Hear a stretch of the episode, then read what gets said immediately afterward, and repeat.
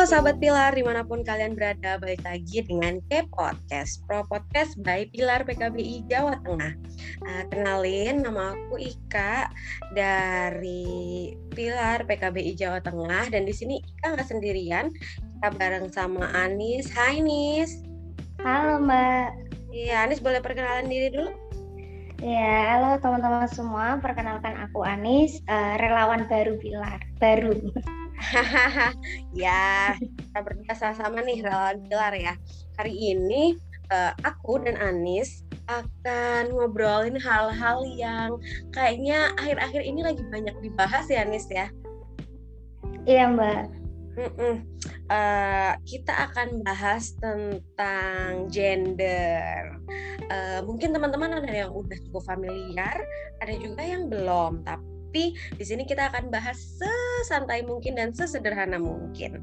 Jadi uh, kalau teman-teman ngisi uh, formulir gitu ya, biasanya kan ada informasi gendernya apa nih laki-laki, perempuan lainnya gitu ya. Iya. Uh, terus juga kalau apalagi ya kayaknya yang cukup familiar kalau ngisi formulir-formulir ya. Tapi uh, kalau pemahaman aku sih jadinya oh gender tuh jenis kelamin ya apa menurut uh, teman-teman sama juga nih. Coba kita dengar pendapat uh, Anis nih. Gimana nih? Iya Mbak. Jadi ini yang aku dulu juga termasuk korban ya yang sering salah mengartikan makna gender. Karena ya itu soalnya kalau di formulir gendernya apa perempuan laki-laki. Akhirnya ya udah tahunya gender sama dengan jenis kelamin ternyata beda gitu. Kalau susahnya ya susahnya itu uh, gender adalah konstruksi sosial dalam suatu negara yang dipengaruhi oleh kondisi sosial, politik, budaya, ekonomi, agama maupun lingkungan etnis gitu. Tapi um, secara mudahnya biar kita mudah memaknai gender itu dapat dimaknai sebagai persepsi masyarakat yang diidentikan dengan jenis kelamin gitu dan bisa berubah tergantung dengan daerahnya gitu Mbak. Oke, berarti kalau jenis kelamin itu yang kayak laki-laki, perempuan gitu ya. Kayak kita lahirnya tuh apa atau mungkin uh, apa namanya keragaman gender lainnya misalnya transgender kayak gitu ya Nes ya. Iya, Mbak. Mm -mm. Kalau gender sendiri itu berarti tadi kayak persepsi masyarakat atau kayak apa ya label dari masyarakat itu kali ya? Iya benar yang dilabelkan kepada perempuan uh, maupun laki-laki. Dan itu uh, bisa berbeda tergantung dengan uh, kondisi sosialnya kayak tadi Anis bilang berdasarkan apa mungkin lingkungannya, mungkin agama, mungkin politik gitu ya. Jadi bisa jadi misalnya di Semarang begini tapi di daerah mana tuh Bali berbeda. Misalnya gitu ya. Iya. Iya Mbak, betul oke oke ya ya kebayang sih kebayang kebayang jadi sebenarnya uh, gender itu ya hanya uh, yang dibuat oleh kita kita ini gitu ya. Iya kita sendiri. Oke jadi ternyata kita pintar guys membuat-buat hal-hal seperti ini. Kalau di hal-hal terdekat kita nih yang yang apa ya pengelompokan gender atau contoh-contoh gender yang ada di masyarakat tuh apa jenis? Yang yang mudahnya gini sih mbak. Misal kayak warna. Warna itu seolah-olah warna itu ada jenis kelaminnya kan. Misal kalau pink itu ya untuk perempuan terus warna-warna yang uh, hitam terus warna-warna ya itu untuk laki-laki gitu. Padahal kan uh, itu apa ya namanya itu persepsi masyarakat sendiri yang membangun. Karena dari awal kan warna nggak ada jenis kelamin. Pink pink itu perempuan hitam itu laki-laki. Sederhananya kayak gitu mbak. Kadang kan kita gitu ya misal dapat kabar saudara kita lahiran anaknya perempuan ya udah langsung cari barang-barang yang warnanya pink gitu. Sedangkan kalau laki-laki ya cari barang-barang warnanya biru atau misal mainan kalau di masyarakat ya uh, misal ngasihnya boneka buat perempuan. Terus kalau yang cowok itu ya mainan mobil-mobilan kayak gitu yang sederhananya gitu mbak. Selain itu juga kalau di masyarakat pembagian peran mungkin ya mbak yang uh, ini sering dibahas oleh teman-teman kenapa sih gitu kalau perempuan itu harus urusan domestik. Kalau laki-laki itu ya urusannya ya kerja. Pokoknya yang di luar-luar laki-laki yang di rumah-rumah itu perempuan gitu mbak. Hmm, kebayang kebayang tadi kalau Anis cerita misal baru lahir gitu ya bayi cewek dikasih warna-warna yang oh gemes girly gitu ya yeah. warna pink gitu kalau cowok uh, ya udah dikasihnya warna biru warna hitam pokoknya yang kayak gagah gitu ya uh, yeah. terus aku aku runut misalnya dari bayi terus agak besar dikit kalau misalnya anak-anak perempuan gitu ya ya nggak apa-apa boleh nangis gitu ya tapi kalau anak cowok yeah. jangan iya, boleh nangis gitu ya besar sedikit uh, apa tuh namanya misal udah udah selesai sekolah udah selesai udah mulai mencari pekerjaan oh ya laki-laki harus cari duit nih harus menafkahi yeah. keluarga nih gitu ya nah, kalau yeah. perempuan baru ya udah di rumah uh, aja ya di rumah aja atau kayak udah nih kak aja jadi ibu rumah tangga aja misal gitu ya padahal yeah, sebenarnya peran-peran uh, itu juga bisa uh, dilakukan oleh semua baik laki-laki atau perempuan gitu ya Nis iya karena hmm. jatuhnya uh, kayak pekerjaan warna itu kayak ada jenis kelaminnya gitu loh mbak padahal kan ya nggak ada ya kalau dipikir-pikir Oke, iya iya ya kebayang, kebayang nih. Berarti selama ini yang kita bayangkan, oh kalau gini nih cewek, kalau gitu tuh cewek, ya itu tuh sebenarnya hanya ada dalam pikiran kita aja ya, Nis. Iya bisa berubah-berubah pak sebenarnya. Oke oke oke iya iya iya kebayang kebayang. Nah kalau tadi Anis cerita kan ini persepsi masyarakat ya yang memang sudah ada dan dari lahir pun kita juga udah kayak dikokin gitu kan Nis. Iya iya mbak benar. Iya kayak misalnya di luar kita aja deh misalnya kita lihat di rumah oh uh, bapak atau ayah uh, bekerja nih dari pagi sampai sore. Eh misalnya pas kebetulan ibunya yang ibu rumah tangga oh ibu di rumah memasak membuatkan kopi dan lain sebagainya. Itu juga secara tidak sadar uh, masuk di pikiran kita nih iya iya mbak kayak ini mbak kalau dalam istilah Jawa tuh gini katanya kalau perempuan tuh hanya urusannya mana maca masak. Tahu nggak mbak? Intinya ya uh, melahirkan ya, ya. masak dan dan gitu. Itu urusan perempuan ya. Ya domestik itu tadi gitu. Aduh, padahal kan nggak semua perempuan bisa ya Nis ya.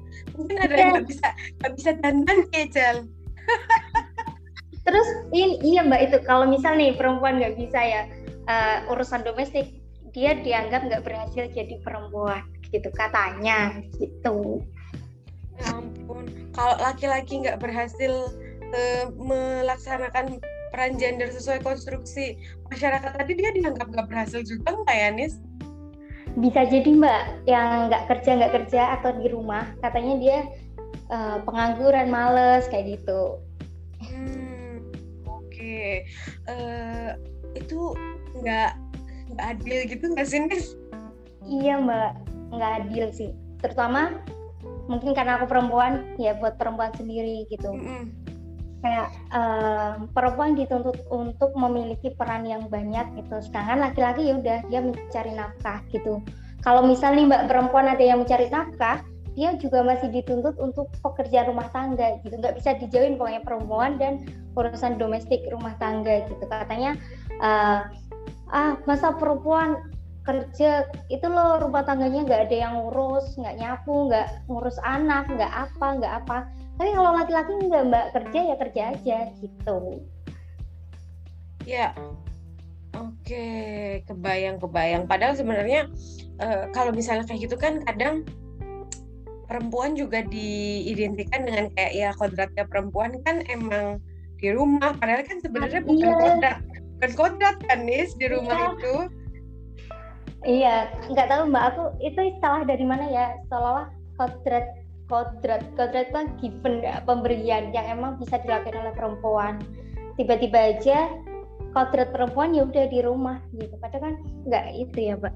Iya ya karena kalau sepemahaman aku tadi definisi uh, kodrat kan yang memang sudah ada gitu ya udah perempuan berarti uh, kodratnya adalah apa? Menstruasi melahirkan mengandung mengandung. menyusui eh melahirkan menyusui gitu ya nih ya iya, maksudnya emang cuma perempuan bisa lakuin ya itu gitu yang nggak bisa kayak cowok hamil kan kayak agak mustahil gitu ya Iya, tiba-tiba ini Mbak masak, mencuci piring, menyapu, mengepel itu masuk kodrat tiba-tiba. Aduh, sedih banget lah kalau nggak bisa pianis.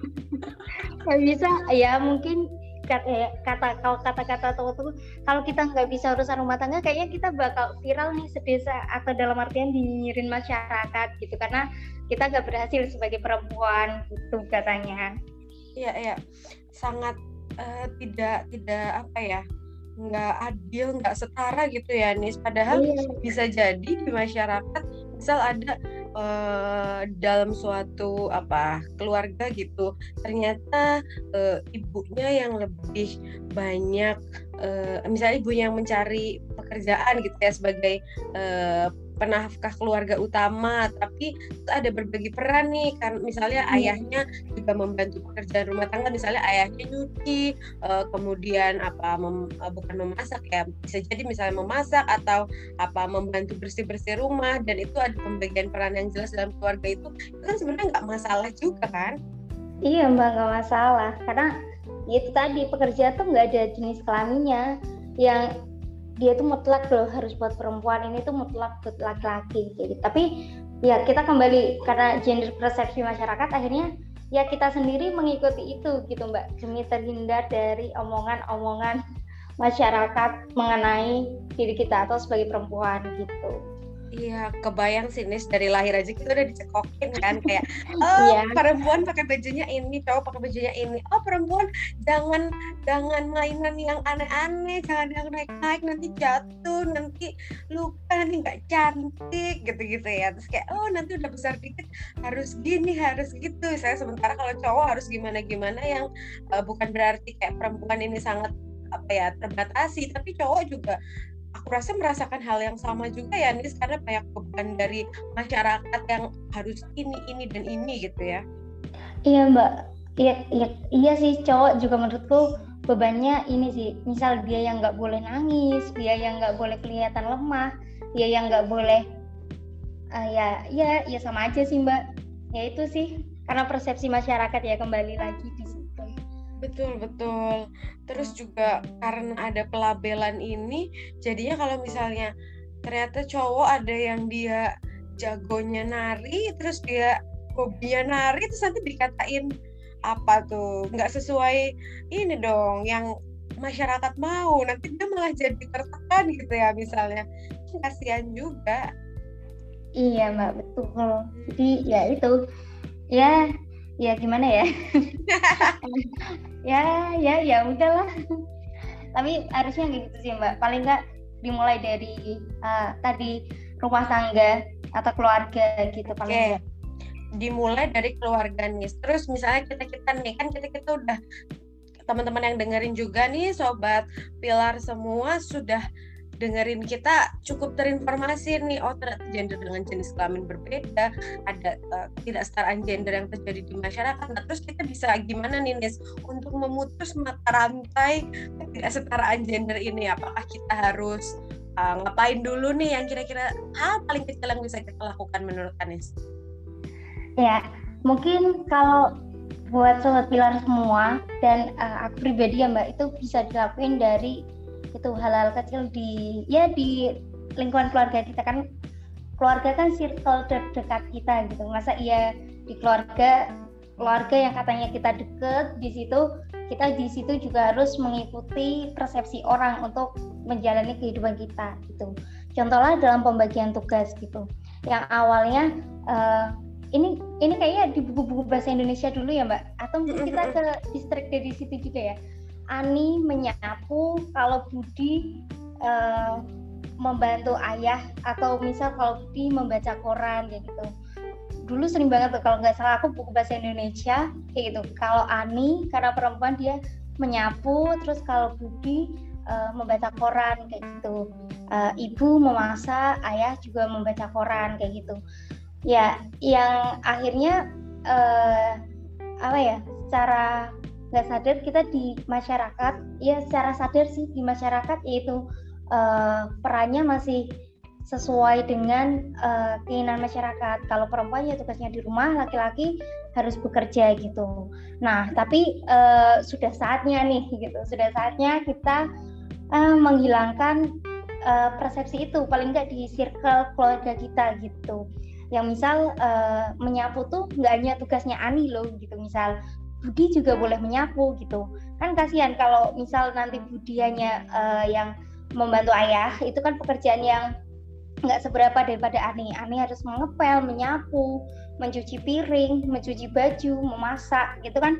Kasihan capek sendiri gitu. Nah itu bisa bagi tugas gitu mbak. Bagi tugas dari hal-hal yang kecil. Misal uh, misal cowok anak cowok bantu nyapu kan ya nggak apa-apa gitu. Terus atau bantu mengepel kah mencuci kah atau mencuci piring dan lain dan lain sebagainya gitu. Begitupun uh, pembagian peran dari uh, orang tua atau bapak dan ibu. Misal bapak bekerja ibu bekerja. Nah sama-sama bekerja ketika sampai rumah rumah itu bukan urusan ibu lagi gitu mbak. Tapi urusan berdua. Karena di rumah tangga di rumah kan nggak cuma ibu gitu nah ya ya kayak gitulah mbak hal-hal kecil seperti itu. Hmm, kebayang kebayang nih berarti yang memang bisa kita lakukan ya kita kita mulai tidak membeda-bedakan uh, apa ya peran-peran yang ada di masyarakat berdasarkan jenis kelamin tertentu. Nggak kayak ah kalau ini cowok aja atau kayak kakak yang cowok aja atau adik yeah. aja yang cewek.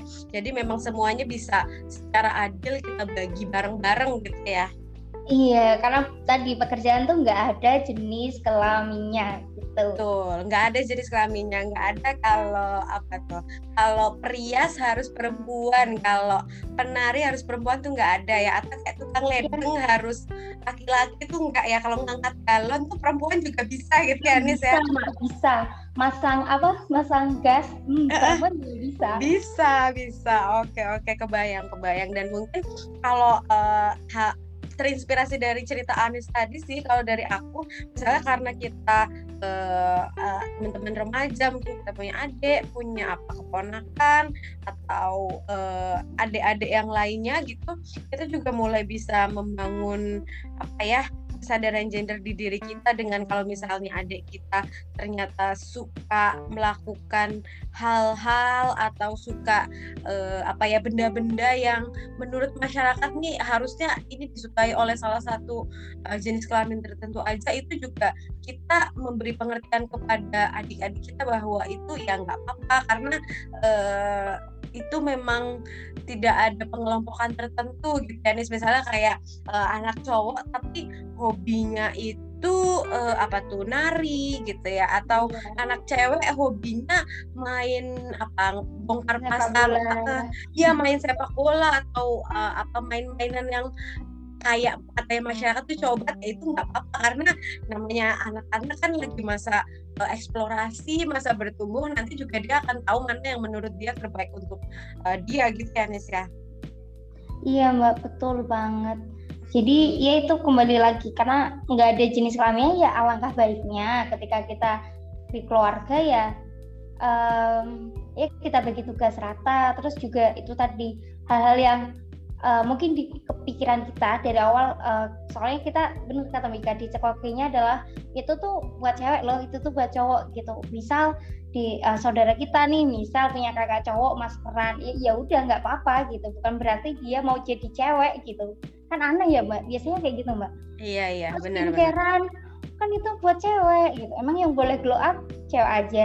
Iya ampun bener bener banget nih nggak bisa kita melabelin orang ah kamu begini karena kamu melakukan kegiatan-kegiatan yang tidak sesuai jenis kelamin kamu. Ah kamu benjong nih gara-gara gini. Nggak ah, boleh iya. gitu ya nih nggak boleh ya. Nggak boleh. Apalagi kita misal di keluarga sendiri gitu ya. Ya udah nggak apa-apa gitu loh Betul, berarti mungkin poin yang bisa aku simpulkan adalah kita harus adil sejak dalam pikiran kita gitu ya Nis agar ketika yeah. kita melakukan dan apa ya kita kita mengajarkan ke orang lain yaitu memang uh, tidak terdampak dari eh, hal-hal uh, yang menurut masyarakat itu betul. Jadi memang kita melihatnya secara lebih luas dan tidak melabeli satu sama lain. Ya, Nis? Iya Mbak, betul banget. Oke, wah udah agak lama juga nih, nih ternyata kita ngobrol.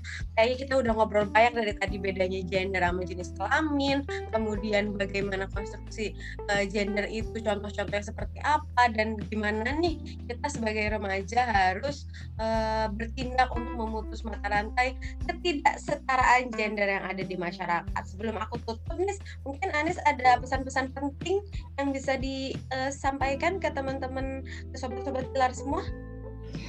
Uh, mungkin itu tadi sih mbak yang aku ulang kayak pekerjaan warna itu nggak ada jenis kelaminnya gitu. Jadi uh, mulai sekarang ya kita berhenti di situ gitu. Barangkali dengan kita masih berpersepsi seperti itu kan kita membatasi orang untuk berbuat juga. Dan bahkan medisnya itu kadang orang di sekitar kita gitu kan pasien juga gitu. Ya udah gitu. Um, alangkah baiknya sekarang kita sama-sama nih paham mengenai gender ya diimplementasikan dari uh, circle terdekat kita apa enggak keluarga. Gitu aja sih mbak.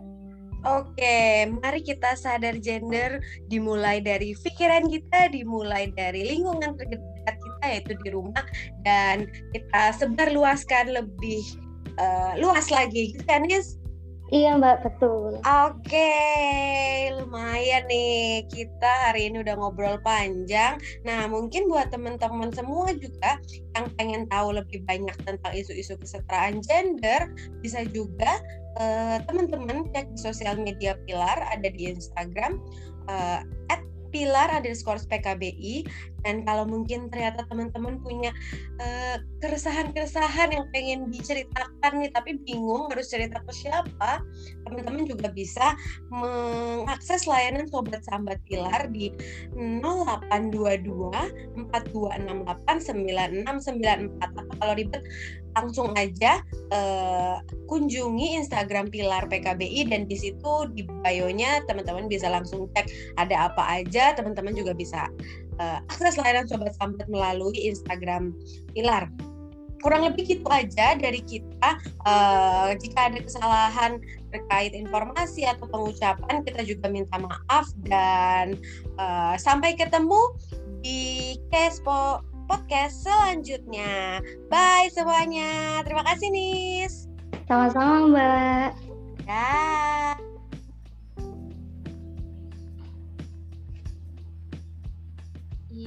Yes, sebentar ya kita matikan dulu recording.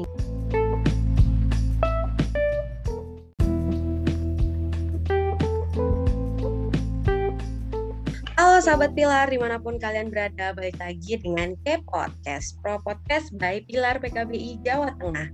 Uh, kenalin, nama aku Ika dari Pilar PKBI Jawa Tengah, dan di sini Ika nggak sendirian, kita bareng sama Anis. Hai Nis. Halo Mbak. Iya, Anis boleh perkenalan diri dulu? Ya, halo teman-teman semua. Perkenalkan aku Anis, uh, relawan baru Pilar, baru. ya, kita berdua sama-sama nih relawan pilar ya. Hari ini uh, aku dan Anis akan ngobrolin hal-hal yang kayaknya akhir-akhir ini lagi banyak dibahas ya Anis ya. Iya Mbak. Uh, kita akan bahas tentang gender. Uh, mungkin teman-teman ada yang udah cukup familiar, ada juga yang belum. Tapi tapi di sini kita akan bahas sesantai mungkin dan sesederhana mungkin. Jadi uh, kalau teman-teman ngisi uh, formulir gitu ya, biasanya kan ada informasi gendernya apa nih laki-laki, perempuan lainnya gitu ya. Iya. Uh, terus juga kalau apalagi ya kayaknya yang cukup familiar kalau ngisi formulir-formulir ya. Tapi uh, kalau pemahaman aku sih jadinya oh gender itu jenis kelamin ya apa menurut uh, teman-teman sama juga nih. Coba kita dengar pendapat uh, Anis nih. Gimana nih? Iya Mbak. Jadi ini yang aku dulu juga termasuk korban ya yang sering salah mengartikan makna gender. Karena ya itu soalnya kalau di formulir gendernya apa perempuan laki-laki. Akhirnya ya udah tahunya gender sama dengan jenis kelamin ternyata beda gitu. Kalau susahnya ya susahnya itu uh, gender adalah konstruksi sosial dalam suatu negara yang dipengaruhi oleh kondisi sosial, politik, budaya, ekonomi, agama maupun lingkungan etnis gitu. Tapi um, secara mudahnya biar kita mudah memaknai gender itu dapat dimaknai sebagai persepsi masyarakat yang diidentikan dengan jenis kelamin gitu dan bisa berubah tergantung dengan daerahnya gitu Mbak. Oke, berarti kalau jenis kelamin itu yang kayak laki-laki, perempuan gitu ya, kayak kita lahirnya tuh apa atau mungkin uh, apa namanya keragaman gender lainnya, misalnya transgender kayak gitu ya, Nis ya? Iya mbak. Mm-mm. Kalau gender sendiri itu berarti tadi kayak persepsi masyarakat atau kayak apa ya label dari masyarakat itu kali ya? Iya benar yang dilabelkan kepada perempuan uh, maupun laki-laki. Dan itu uh, bisa berbeda tergantung dengan uh, apa kondisi sosialnya kayak tadi Anis bilang berdasarkan apa mungkin lingkungannya, mungkin agama, mungkin politik gitu ya. Jadi bisa jadi misalnya di Semarang begini tapi di daerah mana tuh Bali berbeda. Misalnya gitu ya. Iya. Iya Mbak, betul oke ya ya kebayang sih kebayang kebayang. Jadi sebenarnya uh, gender itu ya hanya uh, yang dibuat oleh kita kita ini gitu ya. Iya kita sendiri. Oke jadi ternyata kita pintar guys membuat-buat hal-hal seperti ini. Kalau di hal-hal terdekat kita nih yang yang apa ya pengelompokan gender atau contoh-contoh gender yang ada di masyarakat tuh apa jenis? Ya yang mudahnya gini sih mbak. Misal kayak warna. Warna itu seolah-olah warna itu ada jenis kelaminnya kan. Misal kalau pink itu ya untuk perempuan terus warna-warna yang uh, hitam terus warna-warna ya itu untuk laki-laki gitu. Padahal kan uh, itu apa ya namanya itu persepsi masyarakat sendiri yang membangun. Karena dari awal kan warna nggak ada jenis kelamin. Pink pink itu perempuan hitam itu laki-laki. Sederhananya kayak gitu mbak kadang kan kita gitu ya misal dapat kabar saudara kita lahiran anaknya perempuan ya udah langsung cari barang-barang yang warnanya pink gitu. Sedangkan kalau laki-laki ya cari barang-barang warnanya biru atau misal mainan kalau di masyarakat ya uh, misal ngasihnya boneka buat perempuan. Terus kalau yang cowok itu ya mainan mobil-mobilan kayak gitu yang sederhananya gitu mbak. Selain itu juga kalau di masyarakat pembagian peran mungkin ya mbak yang uh, ini sering dibahas oleh teman-teman kenapa sih gitu kalau perempuan itu harus urusan domestik. Kalau laki-laki itu ya urusannya ya kerja. Pokoknya yang di luar-luar laki-laki yang di rumah-rumah itu perempuan gitu mbak. Hmm, kebayang kebayang tadi kalau Anis cerita misal baru lahir gitu ya bayi cewek dikasih warna-warna yang oh gemes girly gitu ya yeah. warna pink gitu kalau cowok uh, ya udah dikasihnya warna biru warna hitam pokoknya yang kayak gagah gitu ya uh, yeah. terus aku aku runut misalnya dari bayi terus agak besar dikit kalau misalnya anak-anak perempuan gitu ya ya nggak apa-apa boleh nangis gitu ya tapi kalau anak cowok yeah. jangan iya, boleh nangis gitu ya besar sedikit uh, apa tuh namanya misal udah udah selesai sekolah udah selesai udah mulai mencari pekerjaan oh ya laki-laki harus cari duit nih harus menafkahi yeah. keluarga nih gitu ya nah, kalau yeah. perempuan baru ya udah di uh, rumah aja di rumah aja atau kayak udah nih kak aja jadi ibu rumah tangga aja misal gitu ya padahal yeah, sebenarnya uh, peran-peran itu juga bisa uh, dilakukan oleh semua baik laki-laki atau perempuan gitu ya Nis iya karena hmm. jatuhnya uh, kayak pekerjaan warna itu kayak ada jenis kelaminnya gitu loh mbak padahal kan ya nggak ada ya kalau dipikir-pikir Oke, iya iya ya kebayang, kebayang nih. Berarti selama ini yang kita bayangkan, oh kalau gini nih cewek, kalau gitu tuh cewek, ya itu tuh sebenarnya hanya ada dalam pikiran kita aja ya, Nis. Iya bisa berubah-berubah pak sebenarnya. Oke oke oke iya iya iya kebayang kebayang.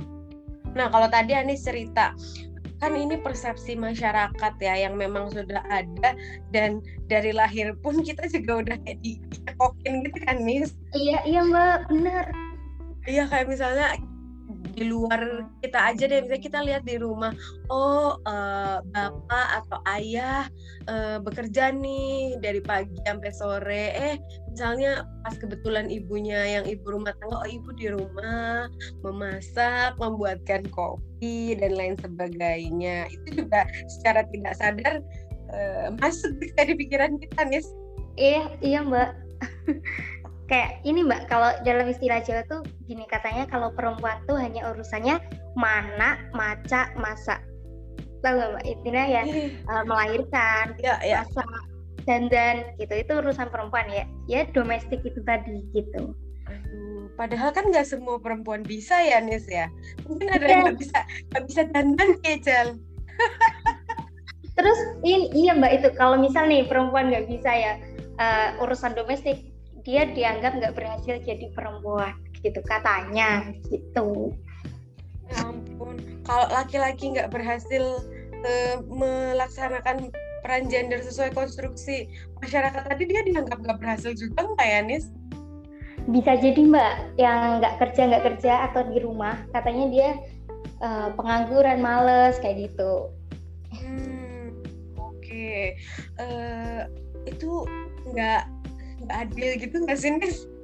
Iya mbak, nggak adil sih. Terutama mungkin karena aku perempuan, ya buat perempuan sendiri gitu. Mm -hmm.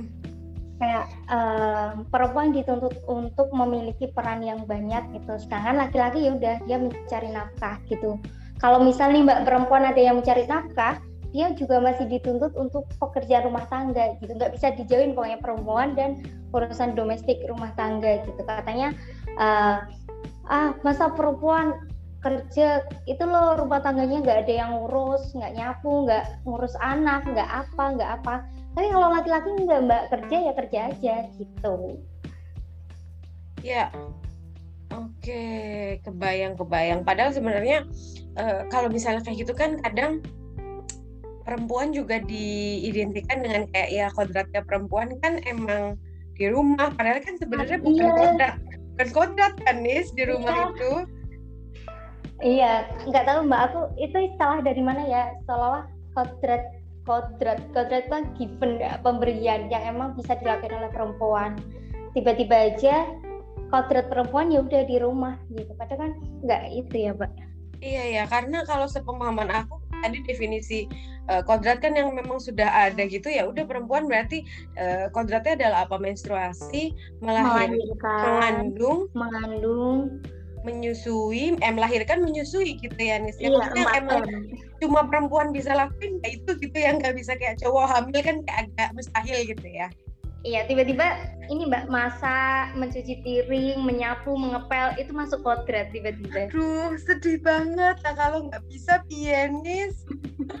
nggak bisa, ya mungkin kata kata kalau kata-kata teman kalau kita nggak bisa urusan rumah tangga kayaknya kita bakal viral nih sedesa atau dalam artian dinyirin masyarakat gitu karena kita nggak berhasil sebagai perempuan gitu katanya iya iya sangat uh, tidak tidak apa ya nggak adil, nggak setara gitu ya Nis. Padahal iya. bisa jadi di masyarakat misal ada uh, dalam suatu apa keluarga gitu ternyata uh, ibunya yang lebih banyak uh, misalnya ibu yang mencari pekerjaan gitu ya sebagai uh, penafkah keluarga utama tapi ada berbagi peran nih. Kan misalnya hmm. ayahnya juga membantu pekerjaan rumah tangga misalnya ayahnya nyuci uh, kemudian apa mem, uh, bukan memasak ya bisa jadi misalnya memasak atau apa membantu bersih bersih rumah dan itu ada pembagian peran yang jelas dalam keluarga itu. Itu kan sebenarnya nggak masalah juga kan? Iya mbak nggak masalah. Karena itu tadi pekerja tuh nggak ada jenis kelaminnya. Yang dia tuh mutlak loh harus buat perempuan ini tuh mutlak buat laki-laki gitu. Tapi ya kita kembali karena gender persepsi masyarakat akhirnya ya kita sendiri mengikuti itu gitu Mbak demi terhindar dari omongan-omongan masyarakat mengenai diri kita atau sebagai perempuan gitu. Iya, kebayang sih Nis dari lahir aja kita udah dicekokin kan kayak oh yeah. perempuan pakai bajunya ini, cowok pakai bajunya ini. Oh perempuan jangan jangan mainan yang aneh-aneh, jangan yang naik-naik nanti jatuh, nanti luka, nanti nggak cantik gitu-gitu ya. Terus kayak oh nanti udah besar dikit harus gini, harus gitu. Saya sementara kalau cowok harus gimana-gimana yang uh, bukan berarti kayak perempuan ini sangat apa ya terbatasi, tapi cowok juga aku rasa merasakan hal yang sama juga ya Nis karena banyak beban dari masyarakat yang harus ini ini dan ini gitu ya. Iya mbak. Iya iya, iya sih cowok juga menurutku bebannya ini sih. Misal dia yang nggak boleh nangis dia yang nggak boleh kelihatan lemah dia yang nggak boleh uh, ya ya ya sama aja sih mbak. Ya itu sih karena persepsi masyarakat ya kembali lagi Betul, betul. Terus juga karena ada pelabelan ini, jadinya kalau misalnya ternyata cowok ada yang dia jagonya nari, terus dia hobinya nari, terus nanti dikatain apa tuh? Nggak sesuai ini dong yang masyarakat mau nanti dia malah jadi tertekan gitu ya misalnya. Kasihan juga. Iya mbak betul. Jadi ya itu ya ya gimana ya? Ya ya ya udahlah. Tapi harusnya gitu sih mbak. Paling nggak dimulai dari uh, tadi rumah tangga atau keluarga gitu paling okay. dimulai dari keluarga nih. Terus misalnya kita kita nih kan kita kita udah teman-teman yang dengerin juga nih sobat pilar semua sudah dengerin kita cukup terinformasi nih oh ternyata gender dengan jenis kelamin berbeda ada uh, tidak setaraan gender yang terjadi di masyarakat. Nah, terus kita bisa gimana nih Nis untuk memutus mata rantai tidak setaraan gender ini? Apakah kita harus uh, ngapain dulu nih yang kira-kira hal paling kecil yang bisa kita lakukan menurut Anis ya mungkin kalau buat sobat pilar semua dan uh, aku pribadi ya mbak itu bisa dilakuin dari itu hal-hal kecil di ya di lingkungan keluarga kita kan keluarga kan circle terdekat kita gitu. Masa iya di keluarga keluarga yang katanya kita deket di situ kita di situ juga harus mengikuti persepsi orang untuk menjalani kehidupan kita gitu. Contohnya dalam pembagian tugas gitu. Yang awalnya uh, ini ini kayaknya di buku-buku bahasa Indonesia dulu ya mbak? Atau kita ke distrik dari situ juga ya Ani menyapu, kalau Budi uh, membantu ayah atau misal kalau Budi membaca koran kayak gitu. Dulu sering banget kalau nggak salah aku buku bahasa Indonesia kayak gitu. Kalau Ani karena perempuan dia menyapu, terus kalau Budi uh, membaca koran kayak gitu. Uh, ibu memasak, ayah juga membaca koran kayak gitu. Ya, yang akhirnya uh, apa ya? Secara nggak sadar kita di masyarakat ya secara sadar sih di masyarakat yaitu uh, perannya masih sesuai dengan uh, keinginan masyarakat. Kalau perempuan ya tugasnya di rumah, laki-laki harus bekerja gitu. Nah, tapi uh, sudah saatnya nih gitu. Sudah saatnya kita uh, menghilangkan uh, persepsi itu paling nggak di circle keluarga kita gitu. Yang misal uh, menyapu tuh nggak hanya tugasnya Ani loh gitu. Misal Budi juga boleh menyapu gitu. Kan kasihan kalau misal nanti Budi hanya uh, yang membantu ayah itu kan pekerjaan yang nggak seberapa daripada Ani. Ani harus mengepel menyapu mencuci piring mencuci baju memasak gitu kan. Kasihan capek sendiri gitu. Nah itu bisa bagi tugas gitu mbak. Bagi tugas dari hal-hal yang kecil. Misal uh, misal cowok anak cowok bantu nyapu kan ya nggak apa-apa gitu. Terus atau bantu mengepel kah mencuci kah atau mencuci piring dan lain dan lain sebagainya gitu. Begitupun uh, pembagian peran dari uh, orang tua atau bapak dan ibu. Misal bapak bekerja ibu bekerja. Nah sama-sama bekerja ketika sampai rumah rumah itu bukan urusan ibu lagi gitu mbak. Tapi urusan berdua. Karena di rumah tangga di rumah kan nggak cuma ibu gitu Nah, ya, ya kayak gitulah mbak hal-hal kecil seperti itu. Hmm, kebayang, kebayang nih. Berarti yang memang bisa kita lakukan ya kita kita mulai tidak membeda-bedakan uh, apa ya peran-peran yang ada di masyarakat berdasarkan jenis kelamin tertentu. Nggak kayak ah kalau ini cowok aja atau kayak kakakku yang cowok aja atau adikku ya. aja yang cewek. Jadi memang semuanya bisa secara adil kita bagi bareng-bareng gitu ya. Iya, karena tadi pekerjaan tuh nggak ada jenis kelaminnya gitu. Betul, nggak ada jenis kelaminnya, nggak ada kalau apa tuh. Kalau perias harus perempuan, kalau penari harus perempuan tuh nggak ada ya. Atau kayak tukang iya. ledeng ya. harus laki-laki tuh nggak ya. Kalau ngangkat galon tuh perempuan juga bisa gitu ya, Nis ya. Bisa, masang apa? Masang gas, hmm, perempuan juga bisa. Bisa, bisa. Oke, oke, kebayang, kebayang. Dan mungkin kalau uh, terinspirasi dari cerita Anis tadi sih kalau dari aku.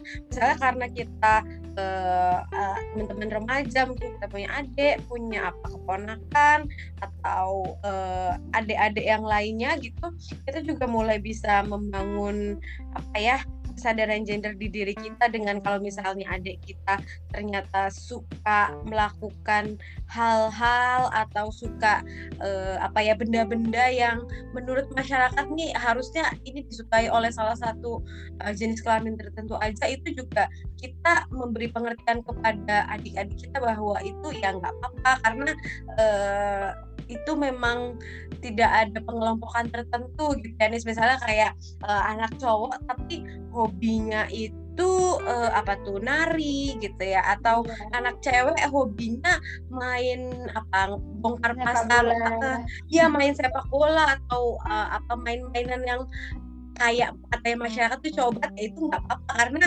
namanya anak-anak kan lagi masa uh, eksplorasi masa bertumbuh nanti juga dia akan tahu mana yang menurut dia terbaik untuk uh, dia gitu ya Nis ya? Iya mbak betul banget jadi ya itu kembali lagi karena nggak ada jenis kelaminnya ya alangkah baiknya ketika kita di keluarga ya um, ya kita bagi tugas rata terus juga itu tadi hal-hal yang uh, mungkin di kepikiran kita dari awal uh, soalnya kita benar kata Mika di cekokinya adalah itu tuh buat cewek loh itu tuh buat cowok gitu. Misal di uh, saudara kita nih misal punya kakak cowok maskeran ya, ya udah nggak apa-apa gitu. Bukan berarti dia mau jadi cewek gitu. Kan aneh ya mbak? Biasanya kayak gitu mbak. Iya iya. Benar benar kan itu buat cewek gitu. Emang yang boleh glow up cewek aja. Iya ampun bener bener banget nih nggak bisa kita melabelin orang ah kamu begini karena kamu melakukan kegiatan-kegiatan yang tidak sesuai jenis kelamin kamu. Ah kamu bencong nih gara-gara gini. Nggak boleh gitu ya nih nggak boleh ya. Nggak boleh. Apalagi kita misal di keluarga sendiri gitu ya. Ya udah nggak apa-apa gitu loh Betul. Berarti mungkin poin yang bisa aku simpulkan adalah kita harus adil sejak dalam pikiran kita gitu ya Nis agar ketika iya. kita melakukan dan apa ya kita kita mengajarkan ke orang lain yaitu memang uh, tidak terdampak dari eh, hal-hal uh, yang menurut masyarakat itu betul. Jadi memang kita melihatnya secara lebih luas dan tidak melabeli satu sama lain. Gitu ya, Nis? Iya mbak, betul banget. Oke, wah udah agak lama juga nih, nih ternyata kita ngobrol. Kayaknya kita udah ngobrol banyak dari tadi bedanya gender sama jenis kelamin, kemudian bagaimana konstruksi uh, gender itu, contoh-contohnya seperti apa, dan gimana nih kita sebagai remaja harus uh, bertindak untuk memutus mata rantai ketidaksetaraan gender yang ada di masyarakat. Sebelum aku tutup, nih, mungkin Anis ada pesan-pesan penting yang bisa disampaikan ke teman-teman, ke sobat-sobat pilar semua? Uh, mungkin itu tadi sih mbak yang aku ulang kayak pekerjaan warna itu nggak ada jenis kelaminnya gitu. Jadi uh, mulai sekarang ya kita berhenti di situ gitu. Barangkali dengan kita masih berpersepsi seperti itu kan kita membatasi orang untuk berbuat juga. Dan bahkan mirisnya itu kadang orang di sekitar kita gitu kan kasihan juga gitu. Ya udah gitu. Um, alangkah baiknya sekarang kita sama-sama nih paham mengenai gender ya diimplementasikan dari uh, circle terdekat kita apa enggak keluarga. Gitu aja sih mbak. Oke, mari kita sadar gender dimulai dari pikiran kita, dimulai dari lingkungan terdekat kita yaitu di rumah dan kita sebarluaskan lebih uh, luas lagi, gitu kan, Yes? Iya Mbak, betul. Oke, lumayan nih kita hari ini udah ngobrol panjang. Nah, mungkin buat teman-teman semua juga yang pengen tahu lebih banyak tentang isu-isu kesetaraan gender, bisa juga uh, teman-teman cek di sosial media Pilar, ada di Instagram uh, pilar underscore PKBI dan kalau mungkin ternyata teman-teman punya uh, keresahan-keresahan yang pengen diceritakan nih tapi bingung harus cerita ke siapa teman-teman juga bisa mengakses layanan sobat sambat pilar di 0822 4268 9694 atau kalau ribet langsung aja uh, kunjungi Instagram Pilar PKBI dan di situ di bio-nya teman-teman bisa langsung cek ada apa aja. Teman-teman juga bisa uh, akses layanan Sobat Sambat melalui Instagram Pilar. Kurang lebih gitu aja dari kita. Uh, jika ada kesalahan terkait informasi atau pengucapan, kita juga minta maaf dan uh, sampai ketemu di Kespo podcast selanjutnya. Bye semuanya. Terima kasih Nis. Sama-sama Mbak. Dah.